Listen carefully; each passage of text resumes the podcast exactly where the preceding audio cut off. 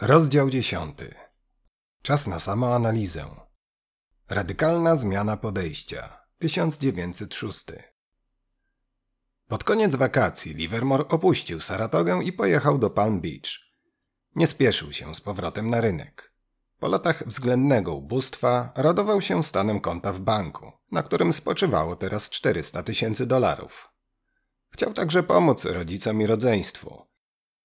Matce i ojcu, którym stuknęła siedemdziesiątka, kupił wygodny dom w Bridgeport w stanie Connecticut. Wspomógł także siostrę, 43-letnią Mabel i jej męża Artura.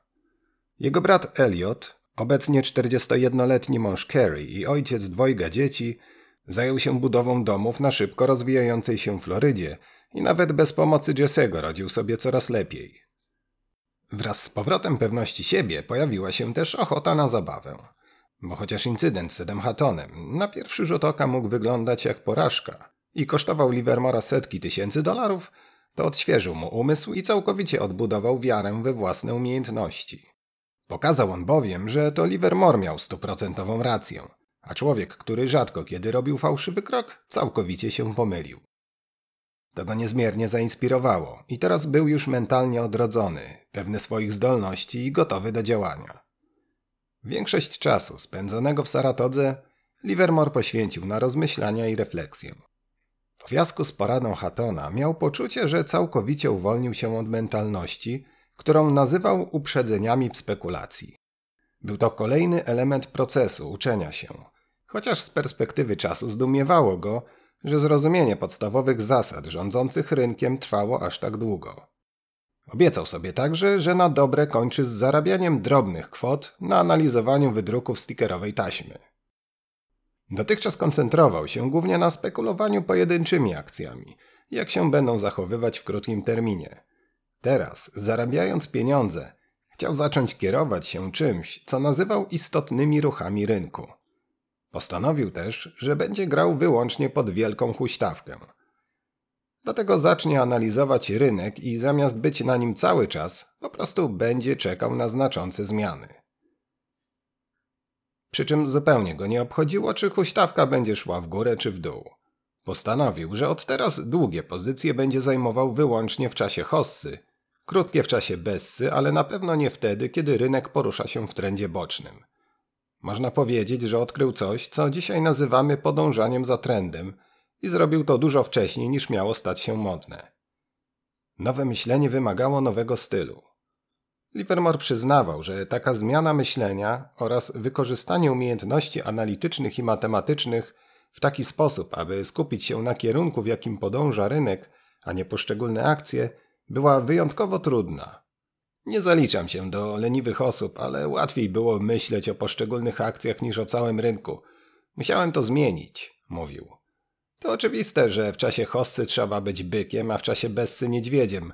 Musiałem dobrze zrozumieć tę zasadę, zanim zobaczyłem, że wprowadzenie jej w życie oznacza antycypowanie wystąpienia prawdopodobieństwa. Nauczenie się handlu prowadzonego według tych wskazówek zajęło mi dużo czasu.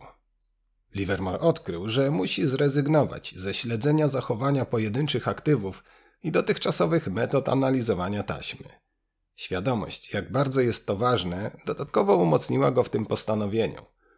W chwili, w której przestało mnie zadowalać samo studiowanie taśmy, całkowicie przestałem skupiać się na dziennych wahaniach cen poszczególnych akcji, mówił. Przestał także zwracać uwagę na opinie zamieszczane w gazetach. Nadal je czytał, ale nie wpływały one na jego postępowanie. Przez chwilę rozważał nawet rezygnację z dzienników i tygodników oraz całkowite odcięcie się od mediów – końcu jednak doszedł do wniosku, że to jeden krok za daleko. Po incydencie z Hatonem uwierzył, że słusznie upierał się przy tym, aby decyzje podejmować samodzielnie i nie ulegać niczyim wpływom. Zaczął też być bardziej pewny swojej teorii uprzedzeń. Uprzedzenia w spekulacji były zagadnieniem, które frapowało go od dawna. Livermore uważał, że tak naprawdę wszystkie decyzje dotyczące giełdy sprowadzają się do uprzedzeń, a inwestorzy mają uprzedzenia względem wielu rzeczy – do najtrudniejszych przypadków należeli inwestorzy, którzy byli optymistami i wierzyli w giełdową hossę tylko dlatego, że zainwestowali w kupno akcji. Livermore kompletnie nie potrafił zrozumieć takiego sposobu myślenia i przysiągł sobie, że nigdy nie da się nim zarazić. Jest wielu ludzi, podobno inteligentnych, którzy wierzą w hossę tylko dlatego, że mają akcje. Nigdy nie pozwalałem na to, aby mój stan posiadania, obecny albo miniony, myślał za mnie, mawiał. Poradził sobie z jeszcze jednym problemem, który często źle wpływał na jego handel. Miał obsesję, którą nazywał zarabianiem na rynku na codzienne utrzymanie. Jako pełnoetatowy gracz czuł, że giełda musi być źródłem jego wynagrodzenia i często handlował jedynie z tego powodu. Zdał sobie sprawę, że to błąd i że na długą metę jego dzienne, tygodniowe czy miesięczne dochody w ogóle się nie liczyły. Niestety, taka świadomość go przytłaczała, a problem, którego był świadomy i na którym się koncentrował, dotyczył osobistej wypłacalności i braku konsekwencji. Doskonale pamiętał, że w swojej krótkiej karierze zdążył już trzykrotnie zostać bankrutem. Nazywał to eufemistycznie problemem z zarządzaniem pieniędzmi. Niezależnie od tego, czy była to definicja prawdziwa, czy nie, Livermore dokładnie wiedział, na czym polegał problem. Wciąż nie był pewien, jak sobie z nim poradzić i co zrobić, aby taka sytuacja nigdy więcej się nie powtórzyła. I chociaż we wszystkich trzech przypadkach odbudował swój status finansowy, to stres i związany z tym niepokój, jakie za każdym razem przeżywał, bardzo odbiły się na jego samopoczuciu. Livermore rozłożył problem na czynniki pierwsze i doszedł do wniosku, że kluczem jest posiadanie takiej ilości gotówki, która pozwoli mu utrzymać pozycje rynkowe aż do chwili, kiedy zaczną przynosić owoce. Problem stanowiła dźwignia. Zawsze był bardzo mocno wylewarowany, czasem nawet dwudziestokrotnie, w zależności od tego, jak hojnie okazywali się pośrednicy. Jeśli tylko na maksa zajmował pozycję, do której był przekonany, to wystarczył zaledwie 5% ruch w odwrotną stronę, żeby go kompletnie pogrążyć. Jak zawsze sprawa była prosta, ale prześladowało go to w czasie całej kariery i co jakiś czas miało przyprawiać o potężny ból głowy. Chciał odpowiedzi lub systemu, w jaki sposób trzymać pozycję aż do chwili, kiedy zacznie się taki ruch, jaki przewidział. Na razie nie mógł na to pytanie odpowiedzieć, ale zdominowało ono jego myślenie. Niezależnie od wszystkich niedostatków i problemów, był podbudowany faktem, że niemal zawsze miał rację co do zachowania konkretnych akcji. Jeśli coś go zawodziło, to wyłącznie wyczucie odpowiedniego momentu. Przy złym bardzo łatwo wpadkę nawet wtedy, kiedy ma się całkowitą rację. Tymczasem przeżywał kolejne olśnienia. Postanowił po pierwsze, że już nigdy nie pozwoli, aby czyjeś rady albo poufne informacje wpływały na jego osąd. A po drugie, że ani względna cena akcji, ani jej wartość nie zakłócą raz obranego kierunku. Wierzył, że cena akcji nigdy nie jest za wysoka, aby nie móc jej kupić, lub odwrotnie, nigdy nie jest zbyt niska, aby nie wybrać krótkiej sprzedaży. Zdecydowawszy, że nie będzie już szukał krótkoterminowych okazji, ani, mówiąc dosadniej, nie będzie podbierał mułu z dna, stał się inwestorem podążającym za trendem, idącym po linii najmniejszego oporu.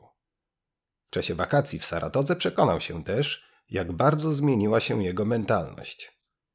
Zacząłem wszystko widzieć dużo wyraźniej, albo może powinienem powiedzieć bardziej dojrzale, wspominał. Do rozwiązania pozostawał jeszcze jeden problem, który Livermore sam sobie stworzył.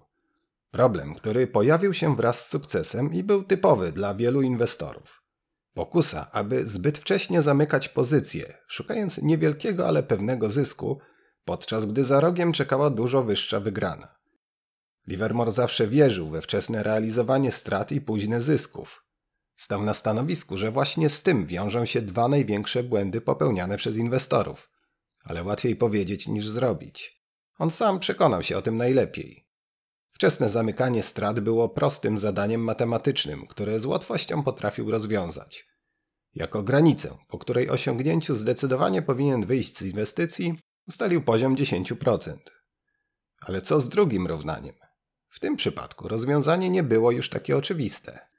Wszystko zawsze będzie się sprowadzało do własnych umiejętności zarządzania pieniędzmi, a to niewątpliwie była jego pięta achillesowa.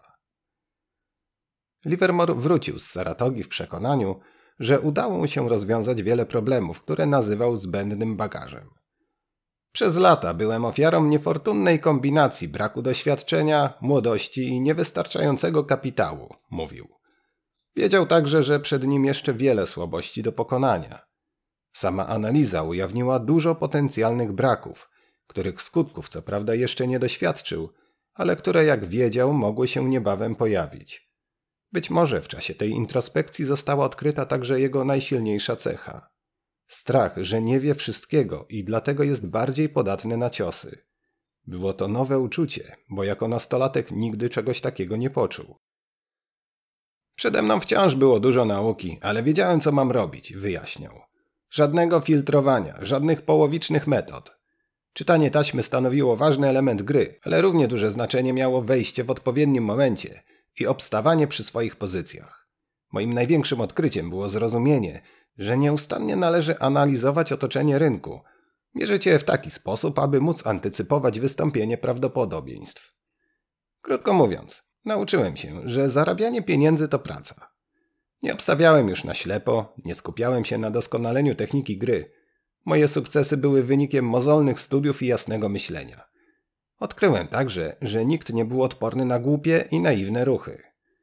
Ale jeśli wykonujesz bezmyślne, nieprzemyślane posunięcia, to otrzymujesz odpowiednią zapłatę. Bo na miejscu jest już jakiś mistrz gry zawsze gotów sięgnąć po wędrującą w twoją stronę kopertę z wypłatą. Z czasem Livermore zaczął postrzegać pobyt w Saratodze jako konferencję poświęconą samopomocy z jednym tylko uczestnikiem, nim samym. Przeszedł długą drogę, rozwiązując wszystkie zakorzenione w nim problemy. Teraz musiał jedynie tę nową strategię i taktykę przełożyć na działanie i w ten sposób zacząć osiągać zyski. Zawsze wiedział, że to mu się uda. Pod koniec sezonu wrócił do Nowego Jorku jako inny człowiek. Wydawało się, że wszyscy zauważyli tę zmianę. Nowy, dojrzały Livermore odkrył, że nawet zaczęto traktować go inaczej. Moi maklerzy przestali myśleć o mnie jako chłopaku spekulancie, który od czasu do czasu ma szczęście. Teraz widzieli we mnie gwiazdę, cenny kapitał domu maklerskiego, mówił. Teraz, kiedy wreszcie pozbył się obciążającego balastu, mógł w pełni skoncentrować się na rynku. Rok 1906 powoli zbliżał się ku końcowi, a on swoim niedźwiedzim nosem już wietrzył nadchodzącą bessę. Rozdział jedenasty. Przedsmak wielkich zysków. Bycie niedźwiedziem to stan ducha. Po powrocie do Nowego Jorku Jesse Livermore odkrył, że jako bodajże jedyny człowiek na Wall Street jest pesymistą. Na rynku szalała hossa, która całkowicie ignorowała wydarzenia w San Francisco oraz coraz mniejszą dostępność kredytów odczuwaną już na całym świecie. Ale byki robiły swoje i dzień po dniu, gdzie tylko mogły, windowały ceny wyżej i wyżej. Skutki trzęsienia ziemi w San Francisco nie były jeszcze w pełni widoczne, ale już stało się jasne, że odbudowa miasta pochłonie 400 milionów dolarów i zostanie sfinansowana przez firmy ubezpieczeniowe pieniędzmi ściągniętymi z giełdy. Dużo większym problemem okazał się wpływ katastrofy na produkt krajowy brutto, czyli całą amerykańską gospodarkę. Miał on w ciągu zaledwie jednego roku dwukrotnie przekroczyć straty ubezpieczycieli. Do tego dochodziły koszty związane ze stopniową utratą zaufania do amerykańskiej gospodarki. Narastały też problemy międzynarodowe. Co prawda w 1902 roku zakończyła się wojna burska, ale stało się to dopiero wtedy, kiedy Wielka Brytania wraz z sojusznikami zdążyła już wydać na ten konflikt niemal miliard dolarów. Czyniło go to najbardziej kosztownym w dotychczasowej historii. Wojna nie tylko poważnie uszczupliła brytyjskie rezerwy. Równie potężne obciążenie stanowiło utrzymanie z takim trudem osiągniętego pokoju, wymagało bowiem stałej obecności w Afryce Południowej tysięcy brytyjskich żołnierzy. Większość związanych z trzęsieniem ziemi strat ubezpieczała londyńska firma Lloyds, co było kolejnym kamyczkiem do rosnącej góry europejskich problemów.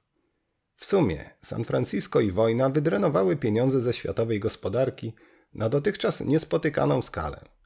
Jak zauważył Livermore, w wojnie burskiej lufy armat ładowano gotówką. On sam był nałogowym czytelnikiem gazet i dzięki temu wiedział dużo więcej niż inni o światowych problemach gospodarczych. Zniszczono znaczną część światowego majątku, więc wcześniej czy później każdy musiał to odczuć. I dlatego było oczywiste, że nikt nikomu nie będzie mógł pomóc, wspominał. W przeszłości, kiedy Ameryka miała problemy z podażą pieniądza, z Europy przypływało złoto, które łagodziło problemy. Teraz złota nie było, a to, co jeszcze pozostało, wędrowało do San Francisco w postaci odszkodowań. Livermore dostrzegał to bardzo wyraźnie. Na utrzymanie stacjonujących w Afryce Południowej bezproduktywnych żołnierzy szły miliony. Mówił odnosząc się do potężnych kwot, jakie Wielka Brytania wydawała na utrzymanie pokoju w tamtym regionie. Inaczej mówiąc, dla gospodarek wszystkich krajów był to podwójny cios. Stopniowo skutki trzęsienia ziemi w San Francisco zaczęły dotykać każdego Amerykanina, niezależnie od miejsca zamieszkania. Katastrofa wpłynęła na wszystkich producentów, rolników, kupców, robotników i multimilionerów, wyjaśniał Livermore. Doszedłem do wniosku, że z całego stosu psujących się brzoskwiń nie da się uratować nawet jednej. Dlatego uznałem, że można zrobić tylko jedno zająć krótkie pozycje. Livermore nabrał niezbitego przekonania, że szybkimi krokami zbliża się odwrócenie rynkowego trendu, a za nim, jak przewidywał, nieuchronna Bessa. Z prognozą tą związany był jednak pewien problem. Otóż rynkowy optymizm trwał w najlepsze i poza Livermorem nikt nie spodziewał się szybkiego nadejścia fali spadków. Wręcz przeciwnie. Ogólne nastroje były krańcowo inne. Jake Peters, przyjaciel Livermora i kompan od giełdowych transakcji, podbudowany ostatnimi zyskami na akcjach Union Pacific, nie mógł być większym optymistą i przy każdej okazji dzielił się z przyjacielem swoimi poglądami. Ale Livermore wiedział swoje i niezależnie od tego, co działo się dookoła, trwał w tym przekonaniu. Nie miał pojęcia, kiedy na rynku nastąpi zwrot, ale wiedział, że nastąpi na pewno. To wszystko sprawiało, że Livermore po prostu musiał być pesymistą. Ale na spełnienie swoich prognoz musiał czekać jeszcze cały rok. Jak wspominał dużo później. Uważałem, że perspektywy finansowe były szczególnie niepokojące, ale wówczas niewielu znalazło się takich, którzy myśleli podobnie końcu zrozumiał, że nie ma się dokąd spieszyć i przez pierwszą połowę 1906 roku zamiast grać na giełdzie spokojnie czekał. Miał dużo czasu na dokładne zastanowienie się nad wszystkim, co ma się wydarzyć. Wreszcie po miesiącach wyczekiwania nie potrafił się już dłużej powstrzymywać. Później chętnie przyznawał, że niezależnie od racjonalnego rozumowania był całkowicie nieświadomy skrajnych niebezpieczeństw wynikających ze złego wyczucia chwili. Nie widziałem, że na drzwiach jest jeszcze jeden zamek z napisem najlepszy moment. Takie przeoczenie było czymś zupełnie naturalnym i musiałem za nie zapłacić zwykłą stawkę. Potężne uderzenie w plecy za każdy przedwczesny krok. Uderzenia następowały stopniowo. Pod koniec lipca 1906 roku, kiedy wszystkie symptomy zbliżającej się Bessy już były jednoznaczne, Livermore zaatakował. Na pewno wchodziliśmy w okres spadku, dlatego byłem przekonany, że powinienem zbić największą fortunę w życiu, opowiadał. Niestety, pierwsza próba znalezienia dna, podjęta latem, była kompletnie nietrafiona. Zaczął w dobrym momencie, ale zgodnie ze swoim nowym myśleniem powstrzymał się z realizacją zysków. Tymczasem rynek odbił i zaczął systematyczną wspinaczkę w górę, nie przejawiając ochoty na najmniejsze nawet spadki. Strata Livermora rosła, ale w swoich cierpieniach nie był osamotniony. Pewnego dnia wydawało się, że na niedźwiedzim rynku nie pozostał już ani jeden niedźwiedź, który mógłby się przebić ze swoją narracją. Wspominał. Cała ta sytuacja zmęczyła go potwornie, a z inwestycji wyszedł ze znaczną stratą. Nie mogłem już tego dłużej znieść. To była porażka. Dobrze, że się zabezpieczyłem. W przeciwnym razie stać by mnie było tylko na zakup kartki pocztowej. Można powiedzieć, że moje niedźwiedzie futro było w strzępach ale dobrze, że przynajmniej udało się ujść z życiem. Mogłem zacząć szykować się do kolejnej walki. Livermore był bliski kolejnego okresu introspekcji. Popełniłem błąd. Ale gdzie? Byłem pesymistą na spadającym rynku. To było rozsądne, więc otworzyłem krótkie pozycje. To też było właściwe. Tyle tylko, że zbyt szybko je zamknąłem. Zająłem odpowiednie pozycje, ale źle rozegrałem całą grę, wspominał. To był znany refren. Przez ten jeden ruch Livermore stracił połowę swojej wartości netto, ale zdawał sobie sprawę, że mógł stracić wszystko. We wrześniu, mając 200 tysięcy dolarów, spróbował ponownie. Przeszedł dokładnie taki sam proces i dzień po tym, jak zainwestował całą kwotę, rynek znów poszedł w górę. Połowa jego środków wyparowała. Teraz zostało mu już tylko 100 tysięcy, ale podszedł do tego ze stoickim spokojem. Jak podsumował? Oto macie typowy styl działania waszego pokornego spekulanta. Znowu chwilę odczekał i w przekonaniu, że rynek jest bliski załamania, powtórzył cały proces raz jeszcze.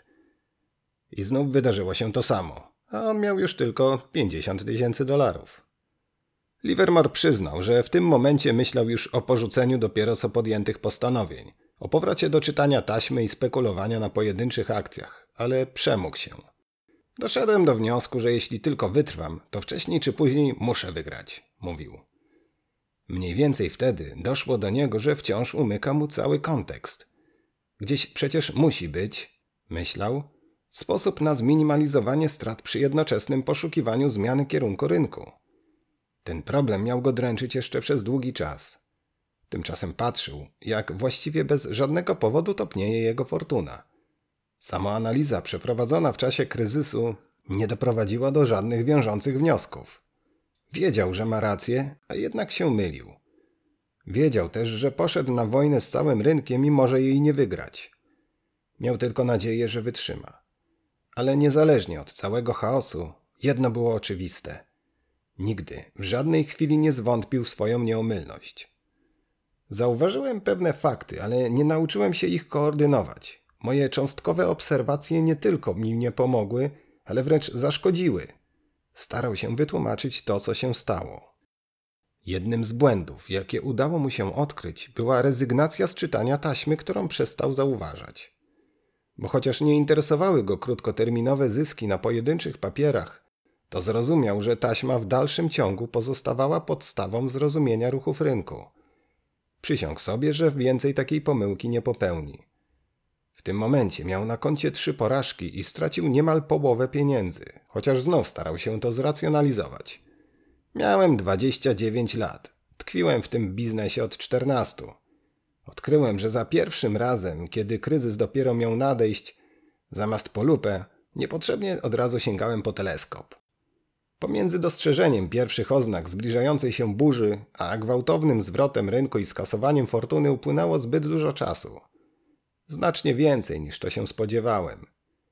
Zacząłem się więc zastanawiać, czy naprawdę widziałem to, co widziałem, czy tylko tak mi się wydawało. Czy popełniłem fundamentalny błąd, przewidując załamanie, czy po prostu zbyt szybko zacząłem otwierać krótkie pozycje. Livermore nigdy jednak nie miał zasadniczych wątpliwości, co doprowadziło go do podjęcia czwartej próby. Rynek zachowywał się tak, jakby w końcu miała nadejść masowa wyprzedaż. Więc na początku listopada maksymalnie wylewarował pozostałe 50 tysięcy. Po czym rynek znów niespodziewanie odbił, a Livermore w ciągu tygodnia na dobre wypadł z gry. W tym momencie wyczerpał wszystkie swoje fundusze, razem z ostatnimi 50 tysiącami. Miałem rację, a jednocześnie byłem bankrutem, wspominał. Było oczywiste, że działał zbyt pospiesznie. Powinienem był iść, a nie biec, mówił. Na szczęście zdążył zbudować sobie taką pozycję, że brak pieniędzy nie stanowił już takiego problemu jak kiedyś. A może Ed Hatton czuł się winny z powodu niefortunnej rady, której mu udzielił, a która kosztowała Livermora 200 tysięcy dolarów utraconych zysków? W każdym razie Hatton zgodził się na rozszerzenie linii kredytowej, chociaż zasoby finansowe przyjaciela były wyczerpane. Firma miała do mnie zaufanie, a nasze relacje były najlepsze z możliwych, mówił Livermore. Myślę, że wyczuwali, że idę w dobrym kierunku i wkrótce to udowodnię. Wiedzieli też, jak lubię igrać z ogniem. Potrzebowałem tylko czegoś na start. Wierzyli, że na pewno odzyskam więcej niż straciłem. Dzięki mnie zarobili mnóstwo pieniędzy, a mieli zarobić jeszcze więcej, opowiadał. Ale szkody psychiczne były równie dotkliwe jak finansowe. Cztery kolejne porażki bardzo dotknęły Livermora. Do tego stopnia, że zmieniły mu osobowość. Jak sam mówił, nie był już tak agresywnie pewny swego. Ale wcale nie zachowywał się jak ktoś, kto w kilka miesięcy stracił 400 tysięcy dolarów. Nadal emanował pewnością siebie i po prostu wiedział, że ma rację. Gdyby człowiek nie popełniał błędów, to w ciągu miesiąca byłby panem świata. Ale gdyby nie umiał wyciągać z nich wniosków, to nie miałby absolutnie niczego. Dla mnie analiza własnych potknięć zawsze była opłacalna, powtarzał. Zadziwiające jest to, że kiedy Livermore po raz piąty postanowił zagrać pod spadki indeksów, nie okazywał najmniejszych wątpliwości. Nadszedł już grudzień 1906 roku i rynek przygotowywał się do sezonu świątecznego, ale tego nie zrażało. Pewnego pięknego poranka zjawiłem się w biurze granitowo pewny swego, mówił. Powodem entuzjazmu było ogłoszenie dotyczące emisji nowych akcji, planowanej przez dwie spółki kolejowe Northern Pacific i Great Northern. Obie kontrolował ówczesny magnat kolejowy, 68-letni James Hill, podobnie jak szereg innych linii kolejowych w Stanach Zjednoczonych i Kanadzie. Jego ambicją było wybudowanie kolei transkontynentalnej, łączącej wszystkie części kraju. Spółki Hilla dynamicznie się rozwijały, głównie dzięki potężnym kredytom. Podobnie jak Livermore, Hill wiedział, że źródła kapitału wysychają i że jeśli nie uda mu się szybko zdobyć potrzebnych środków, wkrótce skończą mu się pieniądze na już poczynione zobowiązania. Hill był innowatorem, więc zdecydował się na nowatorskie rozwiązanie. Przeprowadzenie częściowo opłaconej, głęboko dyskontowanej emisji praw do akcji, w wyniku której obecni inwestorzy, widząc tak atrakcyjne warunki, zostaliby niemal zmuszeni do subskrypcji. W przeciwnym razie posiadane przez nich akcje zostałyby rozwodnione, a ich cena spadła. Pierwszym krokiem było ogłoszenie przez spółkę Great Northern emisji nowych akcji o wartości nominalnej 60 milionów dolarów. Nowością było to, że akcjonariusze mogli płacić za nowe akcje w ratach. W przypadku Great Northern płatności rozłożono na 16 miesięcy do kwietnia 1908 roku. Wall Street nie spotkała się do tej pory z takim pomysłem. Niemal w tym samym czasie inna spółka Hilla, Northern Pacific, również poinformowała o zamiarze zebrania z rynku 93 milionów dolarów w drodze emisji nowych akcji. Warunki były jeszcze bardziej atrakcyjne. Okres spłaty miał wynosić aż dwa lata. Początkowo na Wall Street pomysł uznano za innowacyjny i przyjęto bardzo ciepło. Ale Livermore natychmiast dostrzegł, co się za tym kryje. Desperacja, z jaką Hill starał się zebrać potrzebny kapitał. Zaoferowane warunki były po prostu zbyt dobre. Livermore przejrzał ten fortel i już wiedział. Na Wall Street brakuje pieniędzy, a Hill tylko w taki sposób może zdobyć nowe środki. W tym momencie był już pewien, że nadchodzi krach. Powiedział wtedy: Dla mnie te ogłoszenia zabrzmiały złowieszczo. Tego ranka wbiegł do biura Eda Hattona, machając wydartym z New York Times anonsem. Popatrz na to, tylko popatrz. Teraz powinienem był zacząć. Teraz nadszedł właściwy moment, krzyczał. Hatton zgodził się z przyjacielem, ale wciąż zalecał ostrożność. Stwierdził, że przed zajęciem krótkich pozycji powinni jeszcze trochę zaczekać. Ale Livermore wcale tak nie uważał. Ed, to jest jak spowiedź podpisana przez bankierów. Ich strata to moja nadzieja.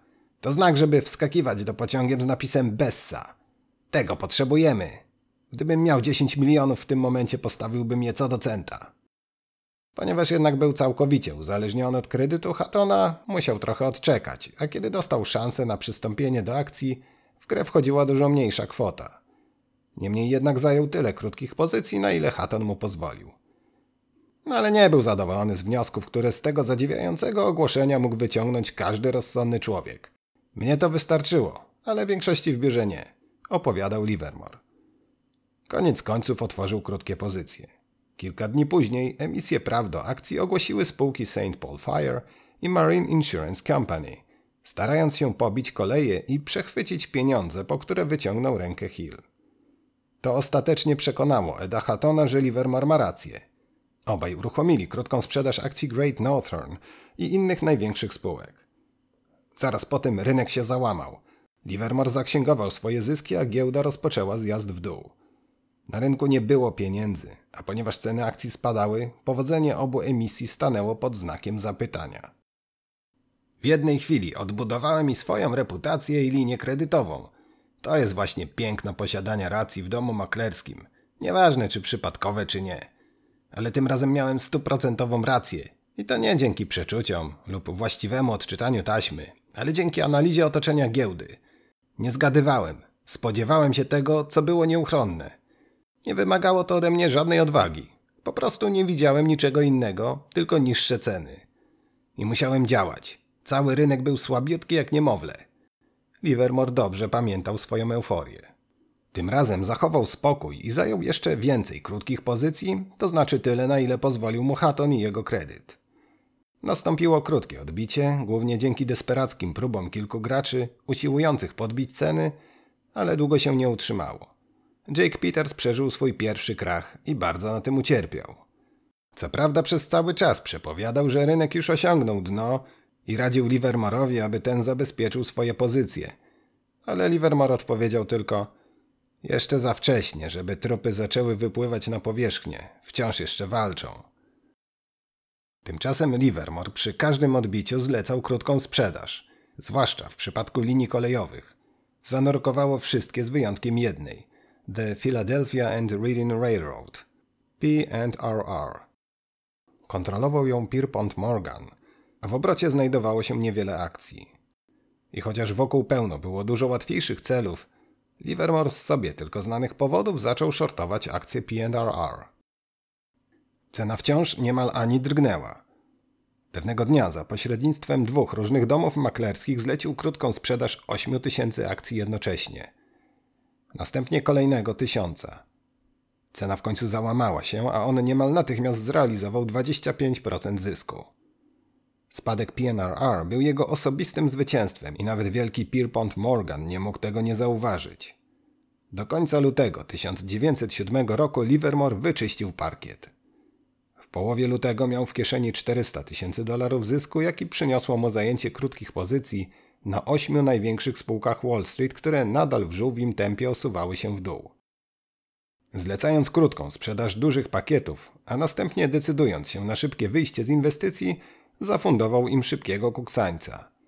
Zadziałało i akcje gwałtownie zanurkowały. Teraz, kiedy już osiągnął potężne zyski, znowu włączyła się ostrożność. Odzyskał to, co stracił wcześniej i znów miał na koncie 400 tysięcy. Ale sukces wywołał w nim nerwowość, a poza tym bardzo chciał wyjechać do Palm Beach. Odkupił zatem wszystkie krótkie pozycje, a pieniądze bezpiecznie zdeponował w banku. W Palm Beach czekało na niego wiele atrakcji. Dla Livermora sama perspektywa rychłego wyjazdu była równie miła jak przyjazd na miejsce i pobyt. Całym sercem kochał Palm Beach i zawsze chętnie tam wyjeżdżał.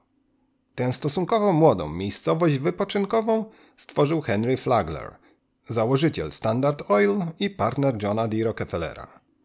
Flagler był przekonany, że licząca niecałe 26 km długości wyspa, którą kiedy ją po raz pierwszy zobaczył pokrywały gęste zarośla, jest miejscem wyjątkowym. Do tego stopnia, że od 1890 roku zainwestował w nią dziesiątki milionów dolarów. Najpierw zapewnił wygodne połączenie z Nowym Jorkiem, budując linię kolejową, która ostatecznie miała prowadzić przez całą Florydę. Następnie rozpoczął pracę nad pierwszym z czterech postawionych przez niego hoteli Royal Poinciana. Hotel Poinciana został wybudowany z drewna i liczył 1100 pokoi. W ciągu kilku lat Palm Beach stało się placem zabaw nowojorskiej socjety, a przy plaży zbudowały swoje domy takie osobistości jak Joseph Kennedy. Livermore odkrył, że świetnie porusza się wśród przedstawicieli śmietanki towarzyskiej Palm Beach – Uwielbiał łowić ryby w granatowych wodach prądu zatokowego, przebiegającego w odległości niecałych pięciu kilometrów od letniska. Ulubionego szlaku, którym duże ryby wędrowały na północ. Właśnie one interesowały go najbardziej. Gigantyczne żaglice, tuńczyki, rekiny młotowate, ryby tygrysy, rekiny ostronosy, marliny, makrele królewskie i tarpony.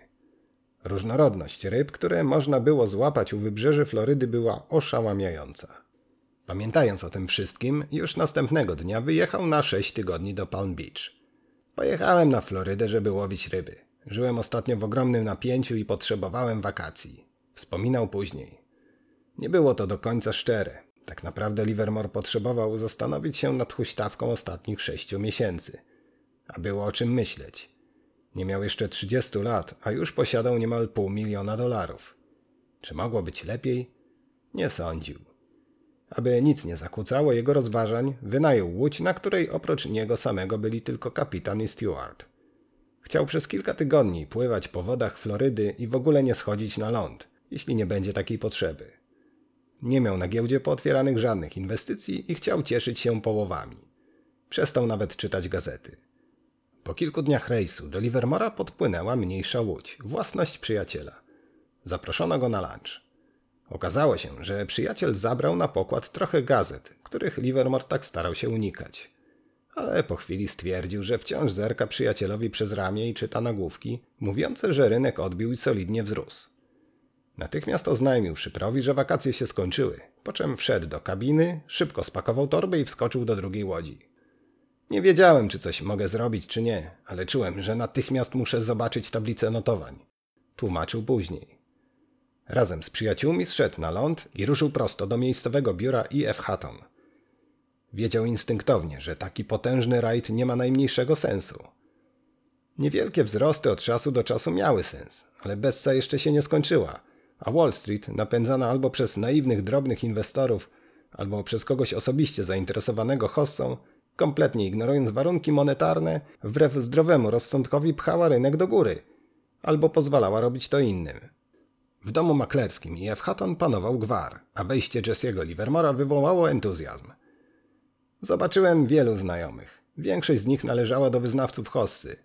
To był typ ludzi, którzy nie sięgali wzrokiem dalej niż na koniec taśmy i chcieli szybkich rezultatów. Chociaż na Wall Street Livermore był postacią rozpoznawalną, u cieszył się statusem gwiazdy i doskonale o tym wiedział. Oczywiście ludzie zawsze przesadzają, opowiadając o skali czyichś wygranych czy rzekomych możliwościach. Ci w biurze słyszeli, że w Nowym Jorku zbiłem fortunę na krótkiej sprzedaży i teraz oczekiwali, że tutaj zrobię to samo. Opowiadał. W biurze w Palm Beach nie było tickera, tylko telegraf, a podawane przez niego ceny z nowojorskiej giełdy natychmiast zapisywano kredą na tablicy. Kiedy tylko zobaczyłem, jak daleko poszło odbicie, od razu przestałem potrzebować wakacji. Schodząc na ląd jeszcze dokładnie nie wiedziałem, co zrobię. Ale teraz byłem pewien, że muszę zlecić krótką sprzedaż. Z jakiegoś powodu jego wzrok powędrował na notowania Anaconda Copper Mining Company, które najwyraźniej były windowane przez jakieś skoordynowane działania. Cena wzrosła do 300 i Livermore'owi bardzo się to spodobało. Miałem taką starą teorię, że kiedy cena po raz pierwszy przebija opory na poziomie 100, 200 i 300, to nie zatrzymuje się na okrągłej liczbie, tylko jeszcze przez jakiś czas rośnie. Więc jeśli kupisz akcję zaraz po przebiciu takiego oporu, to niemal na pewno na tym zarobisz. Strachliwi nigdy nie kupują papieru, kiedy ten osiągnie nowy rekord, ale ja kierowałem się historycznymi danymi na temat takich zachowań. I chociaż Livermore był zadeklarowanym niedźwiedziem, to kupno anakondy bardzo go kusiło. Zdał sobie sprawę, że rajd jeszcze trochę potrwa i shortowanie akcji w tym momencie nie ma sensu. Mógłbym płacić sobie pensję za ciągłe czekanie, mruknął pod nosem. Kupił 32 tysiące akcji, czyli jedną czwartą, płacąc około 75 dolarów za akcję. To było bardzo duże zamówienie, warte jakieś 2,5 miliona dolarów. Potem zameldował się w hotelu i czekał. Następnego dnia zjawił się w biurze tuż po otwarciu. Niestety, już poprzedniego wieczora między Palm Beach a Nowym Jorkiem rozszalały się gwałtowne burze i linia telegraficzna została zerwana. Milczała bardzo długo, a kiedy wreszcie się odezwała, nie wróżyło to niczego dobrego. Jedyne notowanie akcji Anakondy, jakie doszło na Florydę tego dnia, pokazywało spadek do 292. Livermore stracił 80 tysięcy dolarów, niebezpiecznie zbliżając się do poziomu wyznaczającego jedną czwartą całego majątku. Cóż, chciałem szybkiej akcji. Ją dostałem. Podsumował później. Wieczorem doszedł do wniosku, że miał rację co do całego rynku, ale mylił się w sprawie anakondy. Postawił na złego konia i zastanawiał się, czy oznaczało to postąpienie wbrew temu, co uważał za słuszne. W tym miejscu zacytował swoje własne słowa. Jedyne, co możesz zrobić, kiedy się mylisz, to mieć rację, przestając się mylić. Burze minęły, następnego dnia telegraf pracował normalnie. Anakonda wróciła do poziomu 303, po czym znów zaczęła spadać. Teraz już Livermore miał pewność, że się pomylił i zrozumiał, że ruch anakondy był, jak to określił, fałszywym ruchem. Musiał zacząć zamykać pozycję, zanim doszłoby do prawdziwej katastrofy. Kiedy anakonda spadła do poziomu 301, kazał kasjerowi sprzedać całą pozycję, cały stan posiadania. Potem pozostało jedynie czekać i nie tracić nadziei. Livermore usiadł, czekając na potwierdzenie transakcji. Wówczas zaczepili go dwaj bracia, doświadczeni gracze cieszący się opinią ekspertów od rynku surowców. Starszy z nich, przekrzykując gwar, krzyknął do Livermora, że pożałuje zamknięcia tej pozycji. Zastanowiło go, skąd właściwie mężczyzna znał szczegóły transakcji. Słyszałem, że jest bystry i zawsze gra pod poufne informacje, ale skąd tak dobrze znał moje sprawy? Nie miałem pojęcia. Mówił Livermore. Okazało się, że starszy z braci biegle posługiwał się alfabetem Morsa i dzięki temu dokładnie znał szczegóły wszystkich zamówień, zanim jeszcze trafiły one do Nowego Jorku. Tę przewagę wykorzystywał aż do 1910 roku, kiedy klucz telegraficzny zastąpiono klawiaturą. Livermore postanowił, że w przyszłości ograniczy prowadzenie działalności za pośrednictwem oddziału w Palm Beach. Tymczasem w Nowym Jorku biuro Hattona musiało pozbyć się 32 tysięcy akcji Anakondy. Nowojorscy maklerzy byli doświadczeni i wiedzieli, że jeśli jednorazowo rzucą na rynek taką ilość akcji, to dojdzie do załamania ceny i ich klient bardzo dużo straci. Nie chcieli do tego dopuścić i zaczęli sprzedawać je w pakietach po 5000 akcji. Pierwszy poszedł po 299,1 czwarta za akcję, a ostatni po 298,3 czwarte. Widząc, jak się sprzedają, Livermore zrozumiał, że prawdziwego popytu na te papiery nie ma, a jemu samemu i tak się poszczęściło, bo zdążył się wycofać przy stosunkowo niewielkiej stracie. I natychmiast wiedział, jak tę sytuację wykorzystać z zyskiem dla siebie. Kiedy tylko otrzymałem wiadomość, że ostatnia z moich długich akcji została sprzedana, zacząłem robić to, po co wyszedłem na ląd, czyli otwierać krótkie pozycje. Po prostu musiałem. Widziałem rynek po potężnej hossie, który wręcz błagał o to, aby grać na krótko. Ludzie znowu zaczęli mówić o odbiciu, ale ja słyszałem co innego. Że możliwości wzrostu już się wyczerpały. To było bezpieczne posunięcie i nie wymagało głębszego zastanowienia. Następnego dnia anakonda zanurkowała. Livermore shortował i shortował, aż w końcu osiągnął dozwolony limit. Moje papierowe zyski, które rosły i rosły, mówiły mi, że mam rację godzina po godzinie. Oczywiście otworzyłem pozycję na innych akcjach, na czym się dało. Była bessa i wszystko leciało na łeb na szyję. Wspominał. W tym momencie miał zaksięgowane jakieś 5 milionów dolarów i zdecydował, że wraca do domu. Moje miejsce było w Nowym Jorku. Kto mnie tam potrzebował? Ja sam. Palm Beach było za daleko i telegrafowanie tam i z powrotem oznaczało ogromną stratę czasu, mówił. To, że się nie mylił, potwierdziło się 25 marca, kiedy rynek po fali panicznej sprzedaży całkowicie się załamał. Krążyły pogłoski, że to robota Eda Harrimana, Henry'ego Freaka, Williama Rockefellera i Jacoba Schiffa, którzy próbowali spekulacyjnie wykupić akcje, co było nieprawdą. Natomiast faktycznie finansiści ci chcieli utworzyć fundusz o wartości 25 milionów dolarów, który pomógłby im w ten sposób wrócić na rynek i odbudować zaufanie. Nabawiali też do udziału Jake'a Morgana, syna Pierponta, ale Morgan starszy nie wyraził zgody i pomysł upadł. Natomiast same pogłoski o takiej operacji wystarczyły do odbudowy wiary w rynek i kolejnej fali dynamicznych wzrostów. Giełda to spadała, to rosła. Całą wiosnę i lato Livermore spędził na otwieraniu krótkich pozycji, zamykaniu ich i ponownym otwieraniu. Uważał przy tym, aby nie narazić na szwank swojej fortuny i nie dać się zwieść fałszywymi rajdami. To była zabawa w kotka i myszkę między nim a rynkiem. Rynek z taką samą częstotliwością jak przedtem notował wzrosty, ale ja się zabezpieczałem i znów realizowałem zyski. Wcześniej straciłem każdego centa z tych 300 tysięcy, które zarobiłem na trzęsieniu w San Francisco. Miałem rację, a mimo to zbankrutowałem. Dlatego teraz grałem bezpiecznie, bo kiedy znajdziesz się na dnie, to lubisz potem być na górze. Nawet jeśli to nie jest jeszcze jej wierzchołek, przyznawał. Z perspektywy czasu widać, że Livermore był nadmiernie ostrożny. Gdyby nie to, mógłby w tamtym okresie zarobić trzy, a nawet cztery razy więcej.